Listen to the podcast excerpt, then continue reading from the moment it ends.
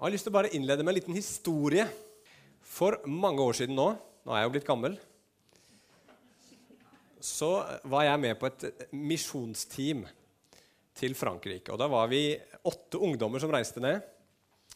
Eh, og Vi drev med gateevangelisering, vi starta menighet og drev med veldig, veldig mange forskjellige ting. Men jeg har lyst til å begynne dagens tale med en litt interessant detalj som illustrerer det som vi skal prate om i dag. Fordi at når åtte nordmenn drar til et annet land, som til Frankrike, så tar de jo mye av sin kultur med seg. ikke sant?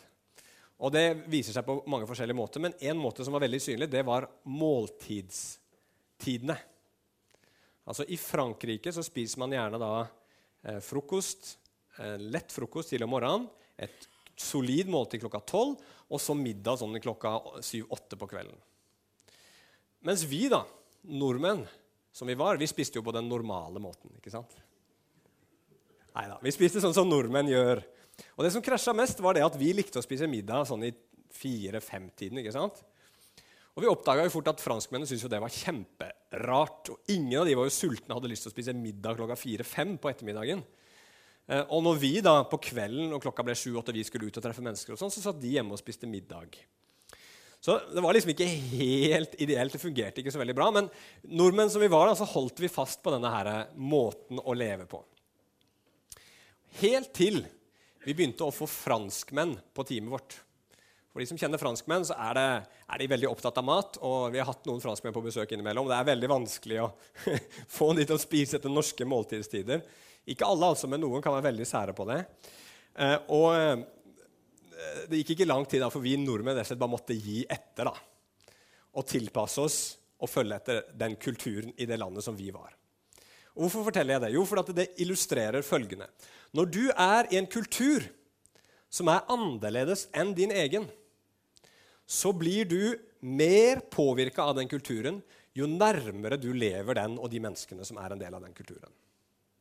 Og Det som vi skal se på nå i dag, den siste talen i denne serien Guds folk i Guds verden, det er en tale om hvordan Gud forbereder israelsfolket som nå har gått i ørkenen, vært isolert, alene sammen med Gud lenge, på å komme inn i dette lovede landet, hvor de nå skal leve side om side med mennesker fra en helt annen kultur, som dyrker andre guder, og som lever på en syndig måte.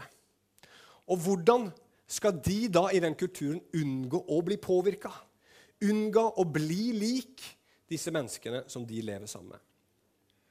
Så Det skal vi kikke på i dag, hva slags strategi Gud gir dem. Og så skal vi også lære hvordan vi som kristne i dag, i et samfunn hvor mennesker dyrker andre guder enn oss, tror på andre ting enn oss og lever liv som Bibelen kaller for synd, hvordan kan vi leve i denne verden uten selv å bli dratt i feil retning? For når vi blir dratt i feil retning, så kommer vi jo bort fra Gud. Men så er det også sånn at da mister vi kraften til å være lys og salt, sånn som Gud har tenkt. Så vi skal se på en litt spesiell tekst i dag. Den er ikke sånn at alltid sånn superlett å forstå alle de tekstene som er i andre Mosebok. Så bare vær litt tålmodig, så skal jeg prøve å forklare det som står her. Så Da kan vi gå i dag til andre Mosebok 34, og så skal vi lese fra vers 10. Andre Mosebok 34, vers 10. Og da leser vi i Jesu navn. Da sa Herren, nå vil jeg slutte en pakt i nærvær av hele folket ditt vil jeg gjøre underfulle gjerninger som aldri før har vært gjort noe sted på jorden eller blant noe folkeslag. Hele det folket du lever iblant, skal se hvor skremmende det er, det verk som jeg, Herren, vil gjøre med deg. Ta godt vare på det jeg pålegger deg i dag. Se, jeg vil drive ut for deg amorittene, kananeerne, hetittene, perisittene, hevittene og jebusittene. Det er altså disse folkene som bor i dette landet de skal inn i.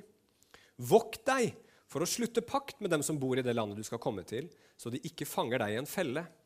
Dere skal rive ned altrene deres og slå i stykker steinstøttene, og asherastolpene skal dere hugge ned.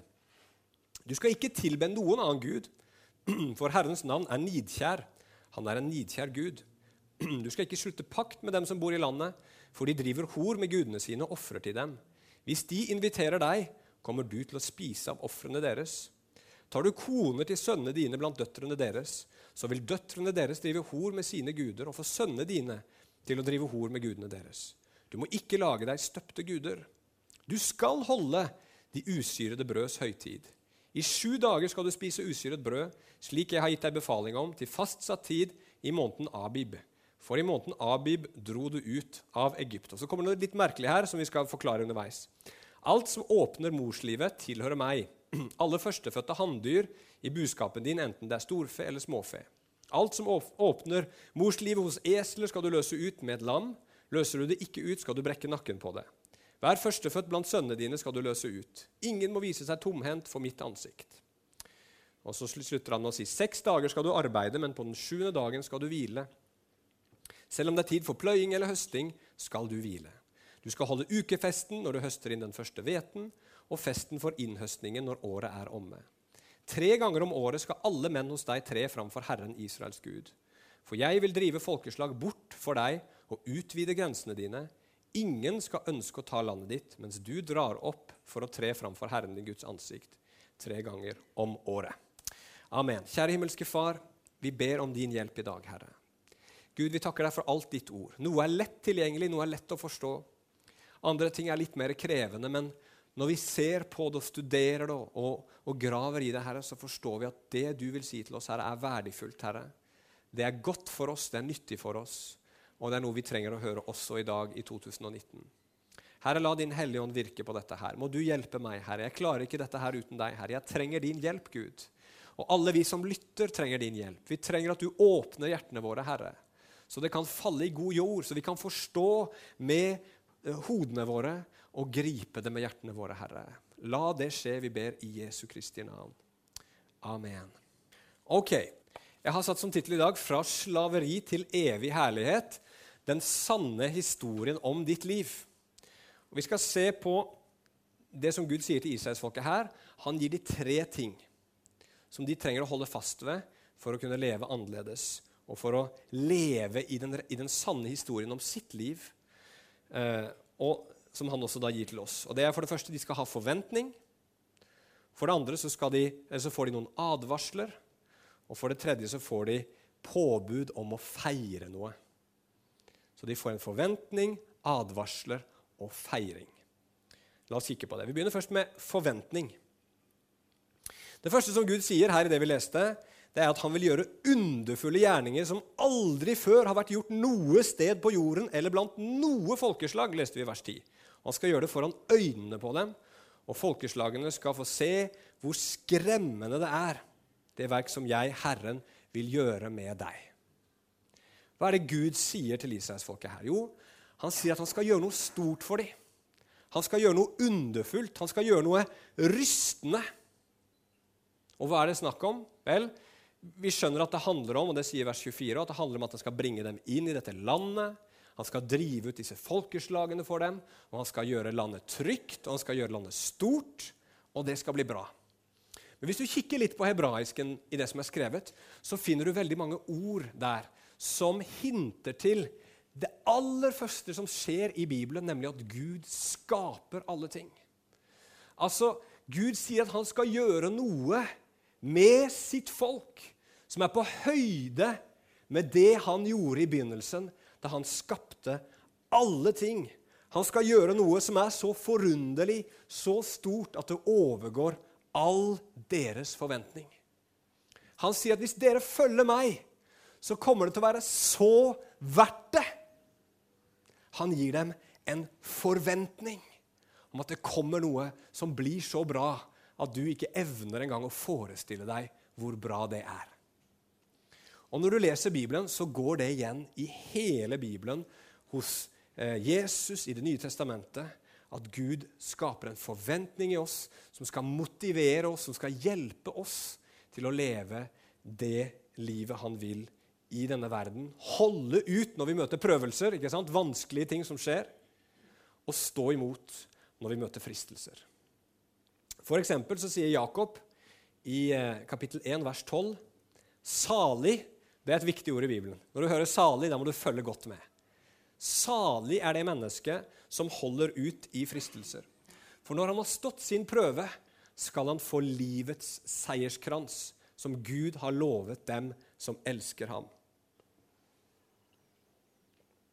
Når du møter prøvelser eller fristelser, så sier Bibelen at du skal være salig når du bare holder ut og står imot. Du og jeg vet hva vi lever for. Vi, vi, vi har et så kort liv her nede. Og vi lever med forventning om en evighet hvor vi alltid skal være med Gud. Alltid skal være i hans nærhet. Og det blir så godt, og det blir så bra at det er mer enn du og jeg kan klare å forestille oss. Og vi må bare være trofaste mot Gud. Vi må holde oss til Han. Vi må holde ut. Vi må stå imot fristelsene. Og det kan bli skikkelig vanskelig noen ganger. Bibelen sier at det til og med noen ganger kan koste alt. Det kan koste alt å følge Jesus. Men så sier Bibelen det kommer til å være verdt det. Det kommer til å være mer enn verdt det. Gud fyller vårt hjerte med forventning. Du har noe å se fram til som blir så bra at uansett hva du møter i livet, så kommer det til å være mer enn verdt det. Og tenk på hva mange av disse menneskene rundt om i verden går igjennom for Jesus sin skyld. Krevende ting. Men det kommer til å være mer enn verdt det å få det gode som han vil gi. Så Derfor er det viktig å høre etter på det Gud sier. Derfor sier han nå, derfor må dere høre etter på det jeg sier nå. Og så gir han de to ting til. Han snakker om en advarsel, og han snakker om en feiring. La oss begynne med advarselen. Han sier for det første da at når de kommer til dette landet, så vil det ta en stund før disse andre folkeslagene blir drevet ut. De kommer til å forsvinne ut av landet litt etter litt. Og Dermed så kommer de til å bo side om side med dem. Og da er det viktig at de ikke slutter en pakt med dem, sier, eh, sier Moses, eller sier Gud da, gjennom Moses. Og hva vil det si å slutte en pakt? Jo, ikke slutt fred med dem. Ikke slutt fred med dem, for hvis dere gjør det, så kommer det til å bli en felle, sier han. Så istedenfor skal de knuse eller ødelegge alteren deres. De skal knuse alle de gudebildene de kommer over, hogge ned alle disse tregudene de treffer, der hvor de kommer, slik at dette folket ikke skal bli en felle. Og Jeg satt og tenkte litt over det, men felle, hva er en felle for noe? Altså Hvis du tenker på en felle, så er ikke en felle egentlig så vanskelig å unngå hvis du bare vet om den. Men styrken i en felle det er at du hvis du ikke, ikke legger merke til den, så oppdager du den ikke før det er for seint. Skjønner du?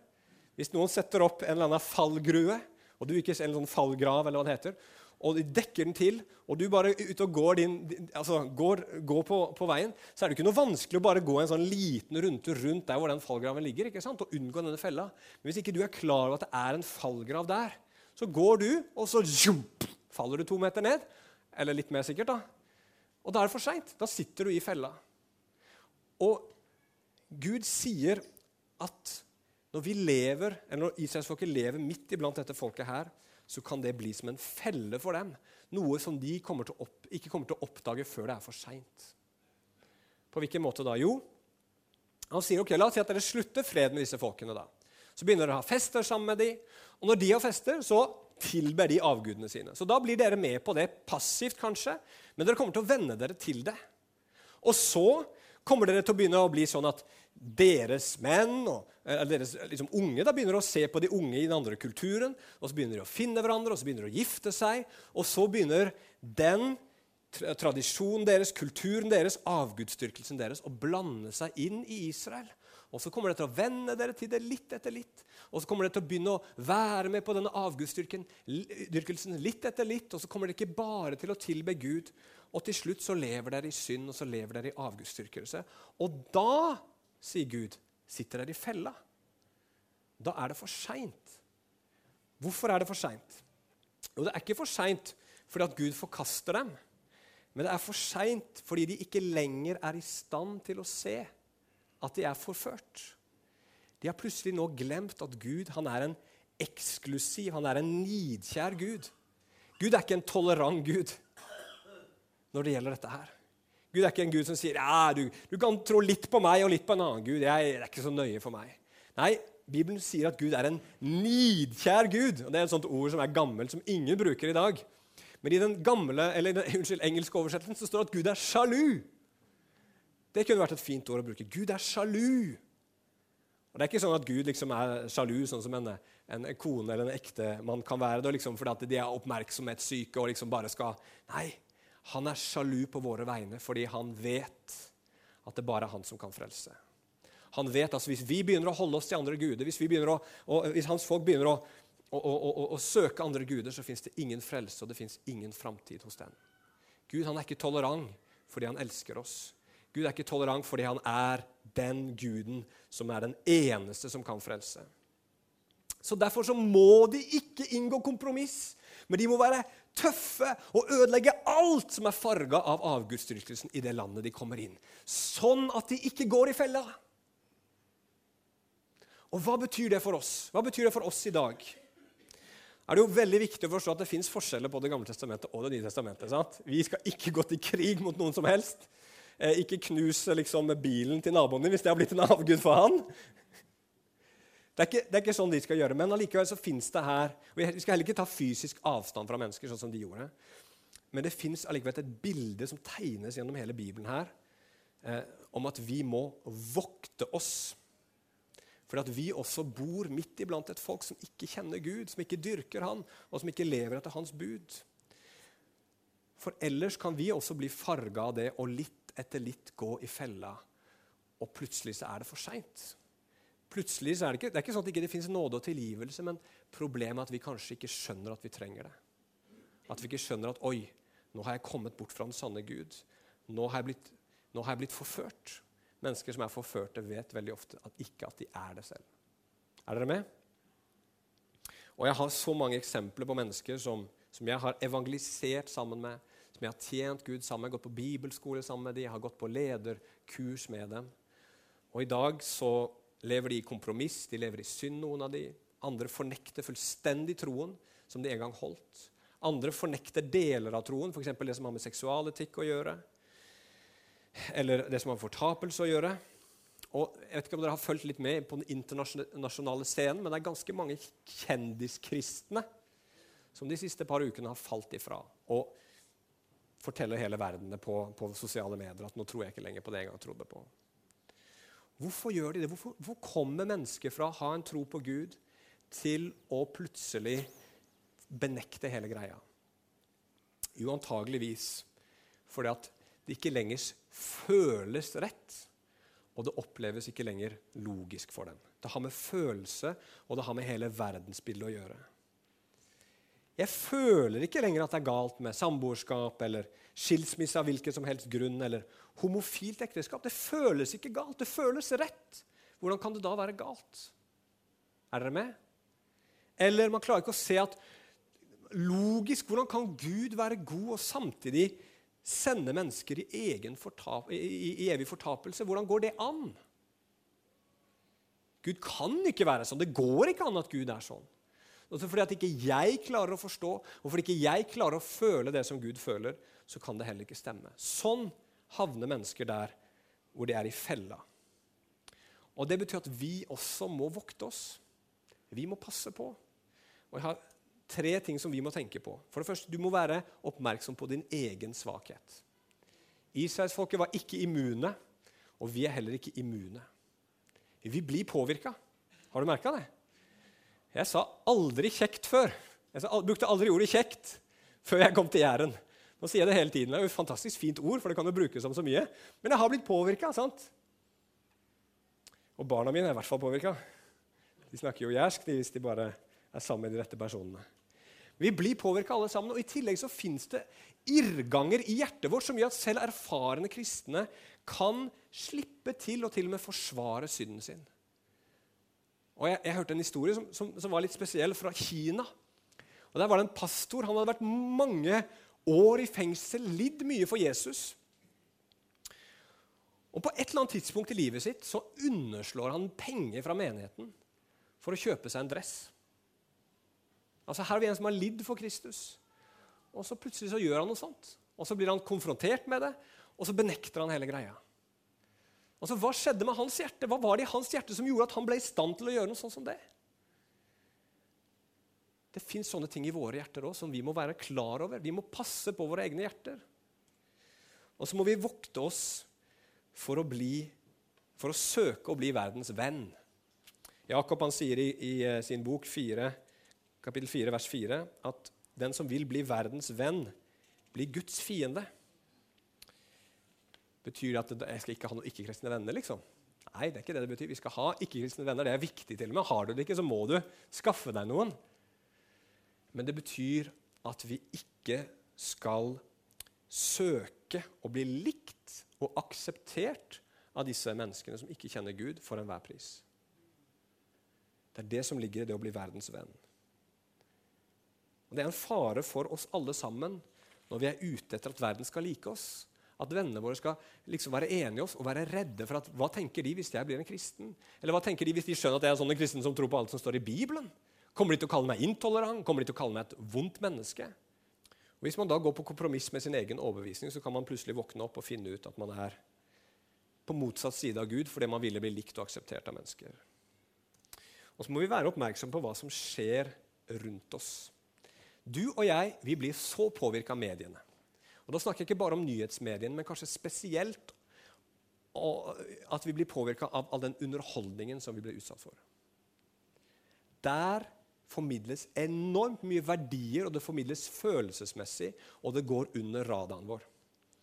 Jeg vet ikke hvor mange av dere har sett Friends. Hvor mange av dere så Friends på 90-tallet? Noen er veldig heldig forsamling. Det er bra. Jeg må innrømme at jeg også så på Friends. altså. For Jeg syns det var veldig morsomt. Eh, og, og, det var veldig veldig populært da på 90-tallet. Mange så på det. Men det ikke jeg var klar over da, men som jeg har sett i ettertid, var at den og mange andre serier var med på å endre hele samfunnet vårt oppfatning av sex og familie. Og For å komme med et, eksempel, da, et konkret eksempel fra den serien, så var det en fyr som het Ross. De som husker Ross, vet at han var litt sånn komisk.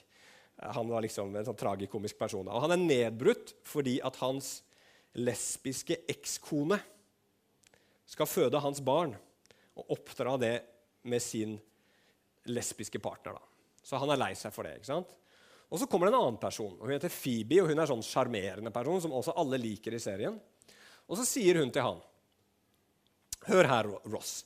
Da jeg vokste opp Du vet, når pappa forlot oss, og mamma døde, og stefaren min havna i fengsel Det er liksom ganske sånn tragisk, komisk situasjon. Så sier hun så hadde jeg knapt nok biter av foreldre til å samle sammen en hel. Og her er en liten baby som har liksom tre hele foreldre som bryr seg så mye at de krangler om hvem som får lov til å elske den mest. Og den er ikke født ennå engang. Det er bare det heldigste barnet i hele verden. Ser dere hva som skjer der?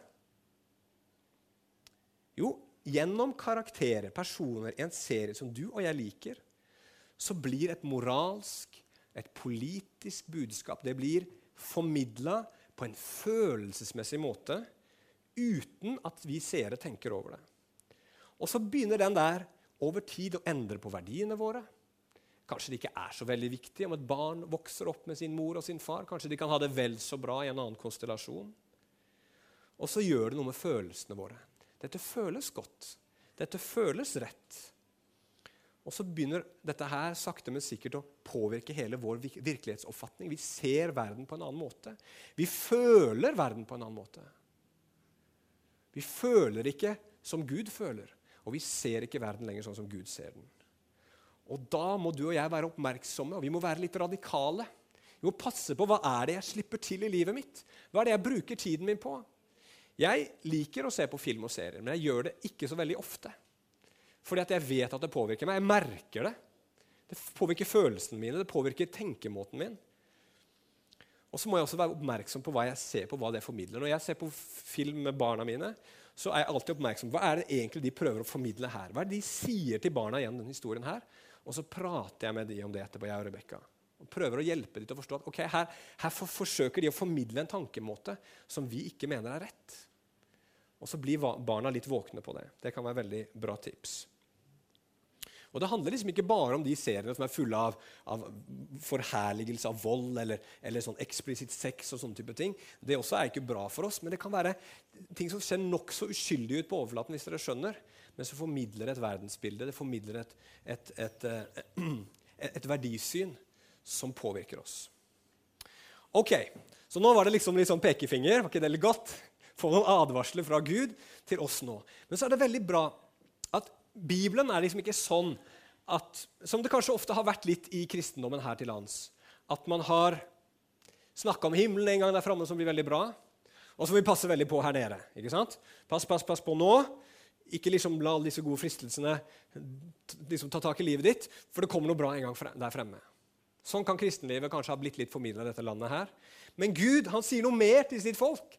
Han gir dem én befaling til, og den befalingen er å feire. Han sier i stedet for at dere går med på hedningenes fester, så skal dere heller være med på mine fester. Og det skal være fest tre ganger i året. Da skal alle av hannkjønn komme til det stedet hvor tempelet eller tabernakelet er, og skal dere feire meg. Ja, ikke nok med det, men dere skal feire hver uke meg gjennom å feire sabbat. Og De skulle feire disse tre festene da, som jødene feirer den dag i dag. De viktigste festene. De skulle feire, For det første skulle de feire påske. De skulle feire at Gud han fridde dem ut fra Egypt, fra slaveriet som var der. Og så kom det noen litt rare vers der i, i, vers 19 og 20 om at de skulle løse ut de førstefødte. og alt det der. Hva i all verden var det for noe? Og Hvis dere husker historien, så var det sånn at Guds dom over israelsfolket, eh, unnskyld, over egypterne, det var at de førstefødte måtte dø. Det var et forskudd på den evige dommen. Men den gjaldt israelsfolket òg, for de var like skyldige som egypterne. Men israelsfolket fikk en utvei. De kunne ofre et lam istedenfor. Så skulle de stryke blodet på døra, og så ble de frikjent og så kom ikke Guds dom over deres liv. Og Det er en viktig del av påskefeiringa. Du skulle feire at Gud både redda dem ut fra slaveriet i Egypt og fra sin rettferdige dom gjennom en, blodet fra et lam. Det kalles for påsken, og det er det usyrede brøds høytid. Som på en måte fulgte etter, og som ble navnet på det etter hvert. Og så skulle de feire noe som heter ukefestens dag. Det finner du i vers 22. Det som vi også kaller for pinse. Det var egentlig en innhøstningsfest men på den tiden Den hellige ånd falt på pinsedag, så var det en fest hvor de feira at Gud hadde gitt dem loven på Sinai-fjellet. For det skjedde nettopp på denne tiden som de feira den festen. Og Så skulle de feire høstfesten, eller det som også kalles for løvhyttefesten. Hvor de bygde hytter av løv og, og, og, og liksom kvister, og så bodde de det en hel uke for å minne, dem, minne hverandre på at Gud hadde forsørga dem selv i ørkenen. Eller han, han hadde dem i ørkenen. Og så var det denne her sabbaten, da, som var en gledesfest og en hvilefest en dag i uka. Så ser du det, Gud sier liksom ikke 'bit denne sammen' og bare stå imot alle disse gode fristelsene. Han sier nei. I for å, det, det, som jeg, det som jeg vil at du skal gjøre, er at du skal feire meg. Du skal feire meg jevnlig. Disse fristelsene her, de er bare søppel. Det som gir deg kraft til å leve det livet som jeg vil du skal leve, det som gir deg kraft til å stå imot, det er at du jevnlig feirer den jeg er, og det jeg har gjort. Da blir du ikke lokka av de falske gudene, for du vet det er bare søppel alt sammen. Da blir du ikke lurt. For du vet at det, det, som er ekte, det som gir liv, det som gir håp, det som gir mening, det som gir glede, det som hjelper deg til å leve det livet du innerst inne vil leve, det er å leve ved at, at du feirer meg og gleder over meg. Og vet dere hva? Vi kristne vi trenger også å feire Gud. Vi trenger å feire han! Og vi må feire påske, og vi må feire jul og vi må feire pinse. alt Det Det er jo kjempebra eh, så lenge vi, vi liksom lar det handle om Gud. For det er, ikke, det er jo ikke så ofte vi gjør det. Det har jo blitt påskeeggfesten og gavefesten, og pinsen har vel forsvunnet, stort sett. Feriefesten, kanskje. Fri på mandag-festen. Men jeg tenker at det er vel så viktig at vi feirer hver eneste uke og kommer sammen til gudstjeneste. Vi er her for å feire, kjære venner. Vi er her for å feire Gud.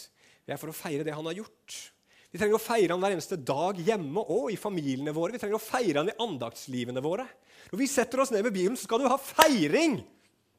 Amen. Det skal være feiring. Ja, vi trenger advarsler. Ja, vi trenger å ha håpet der framme. Vi trenger også å feire det som vi har fått. Og hva skal vi feire? Jo, jeg tenker vi kan feire litt det samme som jødene feira. Hver eneste dag så må du feire påske. Du må feire at av ren, skjær nåde så sendte Gud Jesus til jorda for å bære din synd, ja, for å bære deg til korset, for at synden skulle bli tatt bort, for at du skulle dø, for at du skulle stå opp igjen til et nytt liv, for at du skulle få den velsignelsen han ville gi deg, sånn at dødens grep, syndens grep, djevelens grep over livet ditt ble brutt. Skyld ble tatt bort, skam ble tatt vekk. Og du ble et Guds barn. Du må feire påske, kjære venn. Vi må feire påske hver eneste dag. Må Gud hjelpe oss det, til å gjøre den. Vi må ikke bli ferdig med den sannheten, for den er så uendelig stor. Du er frelst. Du er et Guds barn. Og Gud har gjort det gratis fordi han elsker deg. Tenk at vi liksom kristne kan stå opp om morgenen og glemme det. Og Så begynner vi å løpe rundt i gullkalven istedenfor. Når vi har en sånn frelse vi kan feire hver eneste dag. Det andre vi må feire, er pinse. Og pinse handler om ikke bare Den hellige ånd, men det handler faktisk også om Guds lov og Guds ord. Og Det er mye å si her om det, men jeg tenker vi kristne jeg føler vi må begynne å feire Guds lov litt mer. Altså Vi må feire Hellige ånd nå, altså, men siden vi er pinsevenner, og sånn, så tenkte jeg jeg kunne fokusere litt på det. For at de ti bud og Bibelens etikk det er, jo, det er jo det beste verdigrunnlaget noe menneske kan ha for sitt liv. Vi vet at de landene i verden som er mest frie i dag, som er vest, mest velstående, hvor mennesker har det best, hvilke land er det? Jo, det er de landene som har bygd sin, sitt verdigrunnlag, sine lover, på kristen tenkning og kristen etikk. Og du vet òg, når du og jeg lever etter Bibelen, så kjenner vi på en glede, vi kjenner på en frihet. Vi kjenner på en, en, en, at det er godt å leve. Og greia er jo at alle har moral. Selv det samfunnet vi lever i i dag, er et ekstremt moralsk samfunn. De har bare litt andre bud enn oss. Men problemet med de budene som mennesker i dag følger, det er for det første at det fins ingen som vet hva konsekvensen av de blir på sikt. Og denne her frie sexen som kom på 70-tallet, f.eks. Hva har den ført til? Det er den, det er den nye, nye, moralen. Du skal ikke si at det er galt å leve akkurat sånn som du vil seksuelt, så lenge alle er med på det. Men det vi ser i samfunnet vårt i dag, det er at når man har gått bort fra den bibelske normen med én mann og én kvinne i ekteskap for resten av livet, så har det ført til så mye ensomhet. Vi har en ensomhetsepidemi. Og vi har psykiske problemer, både blant barn og blant voksne, som ikke var på nær så høyt for bare en generasjon siden. Hvorfor, hva har skjedd? Jo, det som skulle være kjernen i hver familie, og som var den grunnleggende byggesteinen i samfunnet, som skapte stabilitet, har blitt revet i stykker pga. ny seksualmoral. Og det får konsekvenser for oss mennesker. Det er ødeleggende. Det er det ene. Det andre er at den moralen som er i dag, er ekstremt ustabil, og den forandrer seg hele tiden. Og jeg hørte en komiker, en kjent komiker som sa det at ja, det er litt annerledes nå når jeg skal lage vitser. og sånt, For jeg trenger ikke bare å tenke på uh, om den vitsen jeg lager, støter folk i dag. At kanskje folk vil oppfatte den som rasistisk for eksempel, i dag. Men jeg må tenke på om kanskje om ti år at den kanskje da kommer til å bli oppfatta som rasistisk. Fordi at det som var akseptert for ti år, ti år siden å si, visse ord som var akseptert å si for ti år siden, de kan man ikke si i dag. Og Så går det ti år til, og så er det plutselig ting som vi tenkte var helt normalt og greit å si i dag, men det blir forbudt om ti år nærmest. ikke sant? Og Vi lever med en sånn ustabil moral som er stressende å forholde seg til.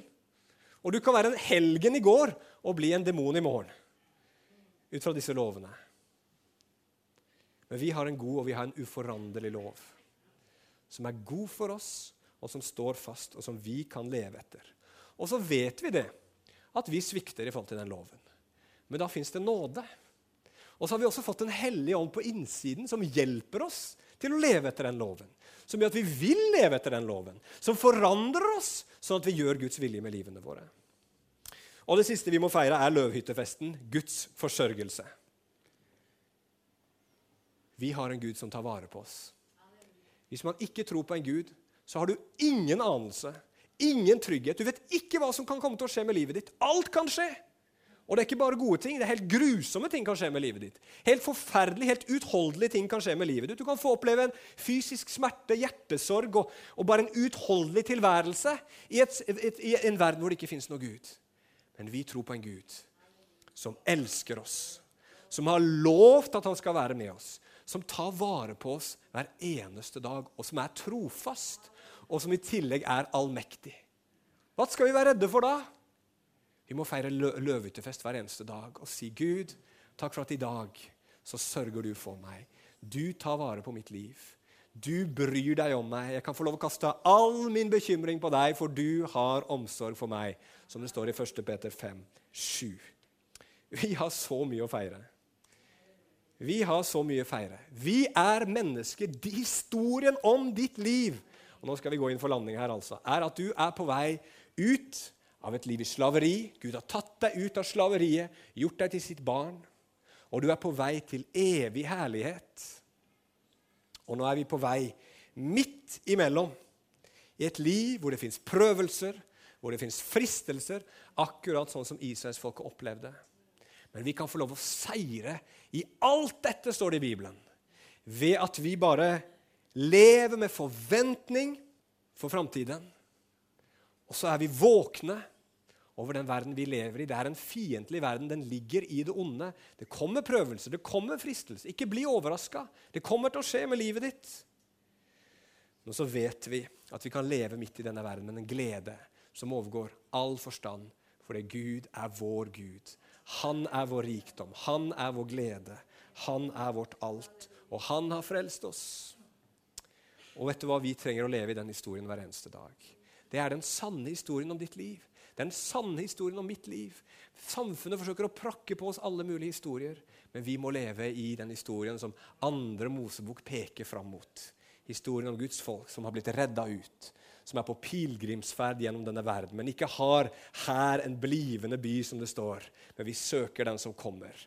Og så er Gud nær. Han elsker oss, han velsigner oss, han tar vare på oss, og han bærer oss hele veien. Like inn, og ingen kan rive oss ut av hans hånd, og ingen kan skille oss fra hans kjærlighet, den som er i Kristus Jesus. Skal vi be til slutt sammen? Kjære himmelske Far. Vi takker og lover og priser deg. For det er ditt gode ord, Herre, forteller oss hvem vi er, forteller oss hvor vi kommer fra, forteller oss hvor vi er på vei, og hvordan vi er kalt til å leve. Og Herre, jeg bare ber om en, et nærvær av din ånd, Herre Jesus, som fyller oss med glede akkurat nå, Herre. Glede over å få lov til å tilhøre deg. Glede over vi vet hva livet vårt handler om. Det er så mange mennesker som går rundt i et kaos. De vet verken opp eller ned, de vet ikke hva de lever for. De lider av hjertesorg og usikkerhet og utrygghet og angst og alt slags mulige ting, Herre. Men vi har blitt frelst. Og vi kan kjempe med de samme tingene, Herre. Men vi vet hvor vi kommer fra, vi vet hvor vi er på vei, og vi vet at du er med. Og du leder oss steg for steg på den veien. La det feste seg i våre hjerter. La ditt folk i dette landet, Herre, forstå den historien du har kalt oss inn i. Vi ber om det i Jesu navn. Amen.